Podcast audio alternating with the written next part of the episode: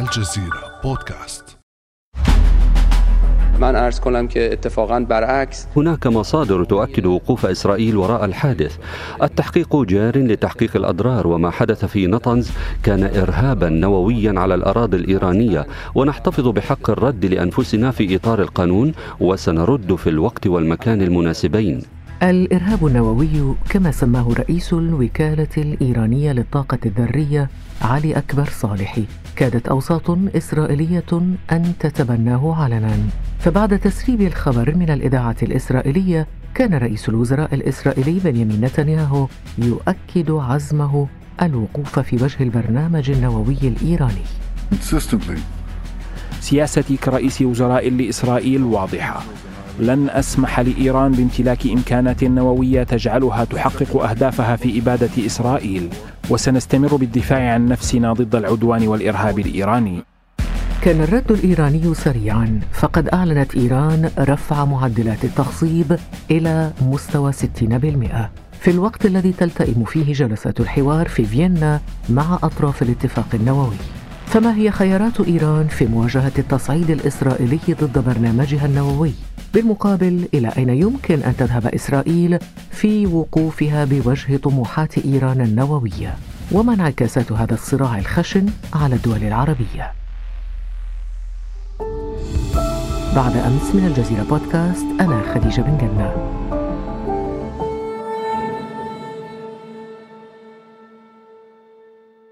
أرحب في هذه الحلقة بالدكتور محجوب الزويري مدير مركز دراسات الخليج في جامعة قطر. صباح الخير دكتور. صباح الخير خديجة. دكتور حتى الآن إيران اختارت وجهة أخرى للتصعيد. اختارت أن ترفع مستوى التخصيب اليورانيوم إلى 60% ما الرسالة التي تريد إرسالها إيران؟ في الحقيقة ما فعلته إيران فيه ثلاث رسائل متعددة الاتجاهات. الرسالة الأولى وهي موجهة إلى إسرائيل تحديدا بأن ما فعلته من هجمة على مفاعل نتنز وهذه الهجمة الرابعة خلال عامين بالمناسبة. لم يؤثر في صلابة المفاعل وبأنه قادر على الذهاب إلى 60% الرسالة الثانية للمجتمع الدولي أن عليهم أن يدفعوا باتجاه الحل السريع لمسألة المفاوضات. والرسالة الثالثة باعتقادي للداخل الإيراني وهي بأن النظام قادر على الرد وكسب ماء الوجه وتفادي عامل الصدمة الذي تركته إسرائيل فيه. بالمناسبة خديجة في هذا السياق تسمحي لي بس ملاحظة سريعة للمستمعين الكرام. خلال منذ عام 2009 حتى الآن تعرضت إيران إلى حوالي 31 سايبر أتاك. منذ؟ منذ عام 2010 تحديدا. وهذه 30 أو 31 كلها كان مصدرها إسرائيل بشكل أساسي وتعددت. خلال هذه ال 31 هناك أيضا يضاف لها اغتيال تسعة علماء نوويين داخل إيران باستثناء واحد منهم تم خطفه من السعودية إلى الولايات المتحدة. بعبارة أخرى إسرائيل ماضية في تصعيدها الموازي لعملية التفاوض من خلال العمليات السيبرانية واستهداف الشخصيات واستهداف, واستهداف البرنامج بهدف واضح. أدرك قال عنه نتنياهو وهو الحد من إمكانات إيران النووية بشكل كبير خاصة مع اختراقات داخل المفاعل النووي. طيب 31 هجوم سيبراني ضد منشآت نووية منذ 2010 اغتيال تسعة علماء إيرانيين استهداف الناقلات الإيرانية ولكن دائما الرد الإيراني الرسمي يكون على شاكلة سنرد في الوقت المناسب والمكان المناسب. المشكلة خديجة في الحرب السيبرانية أن الخصم لا يستطيع أن يجمع على أنه استهدف من قبل دولة معينة ولا الذي قام بالعمليات يعطيك دلائل قاطعة بأنه قام بالعمليات مما يربك عملية الرد.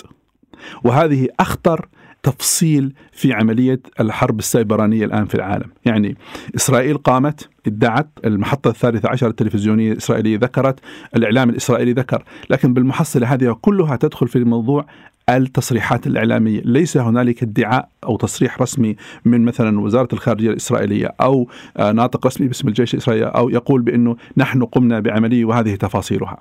هنالك نوع من التوظيف الإعلامي لما حصل في ناتنز مما يربك الرد الإيراني. بالمناسبة إيران ردت في بلغاريا في عام 2016 في استهداف حافلة فيها إسرائيليين. لكن ما الذي استفادت منه؟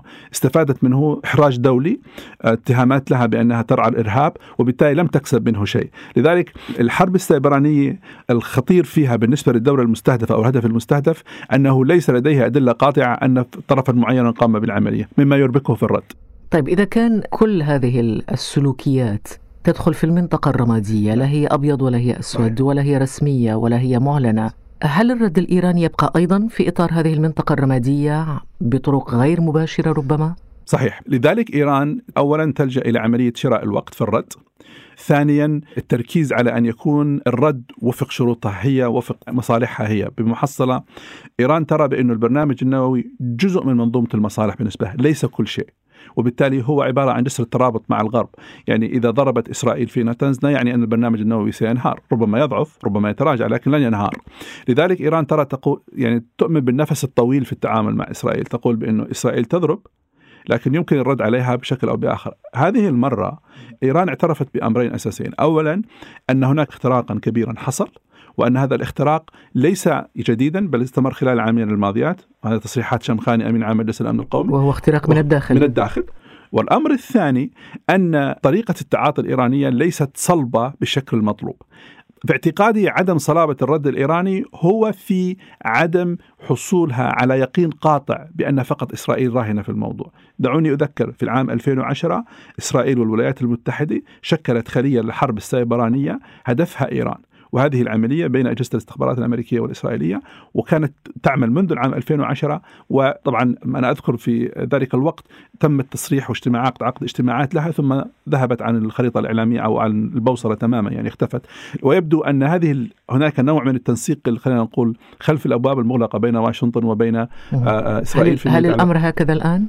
أنا أعتقد بأنه ما زال هناك تنسيق أمريكي إسرائيلي أنها راضية. اعتقد أعتقد بأنها راضية. أعتقد بأنها راضية. الذي يلفت انتباهي أنا في الموقف الأمريكي والموقف الأوروبي من الهجمات السيبرانية على إيران هو تمثيلهم دور المغشي عليه بأنه لا يرى لا يسمع. وهذا أمر في غاية النفاق السياسي، هم يعرفون أن هناك طرفا معينا خلف العمليات لكنهم لا يريدوا أن يدخلوا في تفاصيل هذا، يريدوا أن يركزوا على عملية التفاوض كنوع من المخرج السياسي لهذا الموضوع.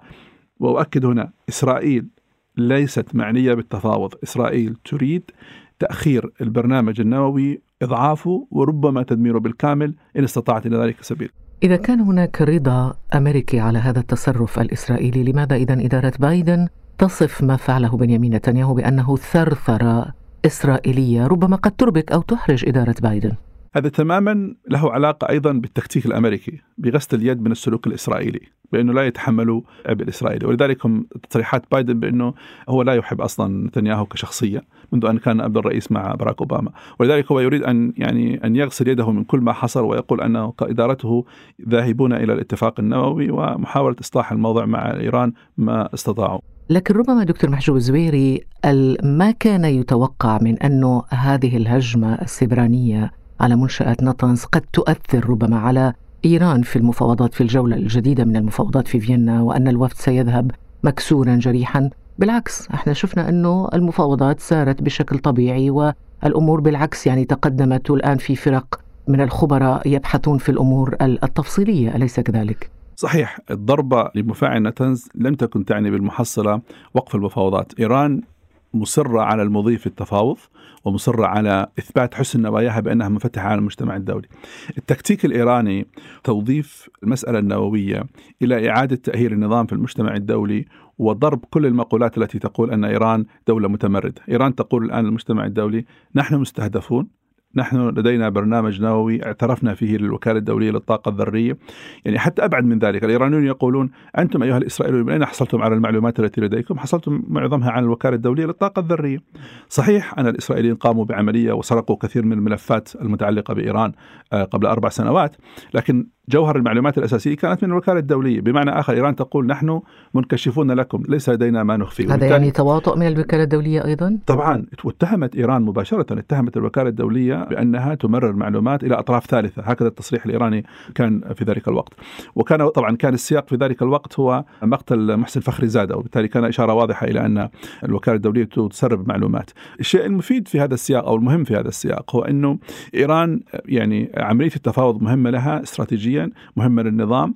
استعادة ودائعها المالية استعادة بيع النفط كلها مصالح مهمة للنظام. النظام يكسب لها يكسب منها اقتصاديا ويكسب منها ثقة الناس. وهو أمام وضع حرج الآن اقتصادي بعد سياسة الضغوط القصوى التي فرضها ترامب. من الجهة الأخرى بالنسبة لإسرائيل وبنيامين نتنياهو ما زال يقول إن إسرائيل س تضرب إيران في كل مكان. إلى أين يمكن أن يذهب أيضا السلوك الإسرائيلي في هذا الاتجاه؟ السلوك الإسرائيلي الآن منضبط بمسألتين مهمتين. المسألة الأولى وهي نجاة نتنياهو نفسه. نتنياهو اعتمد على سياسة الخوف في البقاء في السلطة الآن لأكثر من ربما 12 عاما وبالتالي الآن أخاف الإسرائيليين من الفيروس واستطاع أن ينجح في جولة انتخابات الآن يخيفهم من إيران. وهذا بعد مهم بالحقيقة. هو يريد أن يقول للإسرائيليين ليس من خيار أمامكم سوى أنا للدفاع عن أمن إسرائيل.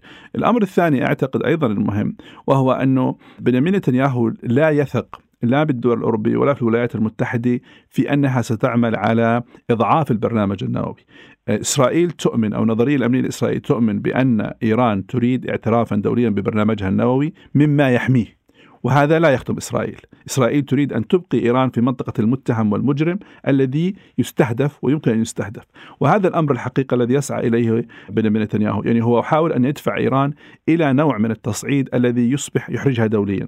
دعني أذكر هنا خديجة، الحقيقة انه إسرائيل أهانت إيران منذ العام 2010 أيضا في سوريا عام 2012 أهانت إيران عشرات المرات في سوريا وضربتها في أشياء مؤلمة ولم تقل إيران أي شيء عن هذا الكلام، الأمر كان واضح إنه إيران لا تريد الاعتراف بوجود عسكري في سوريا ولا تريد الإحراج مع المجتمع الدولي ولذلك ابتلعت الآلام كلها ومضت في سبيلها مع تركيز وجودها في سوريا.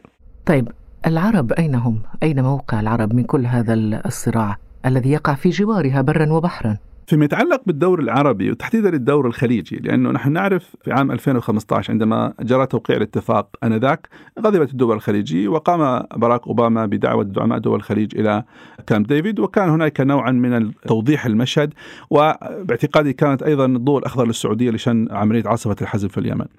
إيران تركز على التفاوض مع الغرب لأن الغرب هو صاحب المسألة الأساسية هو الذي يثيره البرنامج النووي، يعني هي ترى بأنه هي أفضل من القوة العربية أو أفضل من الدول العربية أن تناقش هذا الموضوع. الآن الفرنسيين طرحوا حضور السعودية في التفاوض. طبعا الكل يعرف بأنه إيران ترفض ذلك رفضا قاطعا وكان الرد الإيراني أن هذا خط أحمر لا يجب إدخال أي طرف في التفاوض لأن هذا التفاوض متعلق ببرنامج إيران النووي وبالدول التي لديها مخاوف من البرنامج النووي الإيراني، وإذا أزلنا مخاوف هذه الدول فإن بقية الدول يجب أن تقبل بهذا المبدأ. باعتقادي العرب قليلي التأثير في هذا المشهد وحتى وإن حضروا أو ساهموا إذا كانت المساهمة من حيث الشكل الوجود هذا لا يعني شيء. ليس لديهم أي ليفرج ما عندهم أي أوراق للضغط فيها على إيران. يعني ما الذي لدي العرب حتى يضغطوا على إيران ويغيروا مسار التفاوض؟ ليس لديهم أي شيء. إذا كان المطلوب أن يحضروا في قاعة الاجتماعات أو أن يستمعوا إلى ما يجري هذا يمكن أن يحصل. لكن لا يملكون أي أدوات للضغط على تعديل المسار أو الحصول على أي نقاط فوز من هذا الحضور. شكرا جزيلا لك دكتور محجوب الزويري مدير مركز دراسات الخليج بجامعة قطر شكرا لك خديجة بارك, بارك الله, الله فيك. فيك بارك الله. كان هذا بعد أمس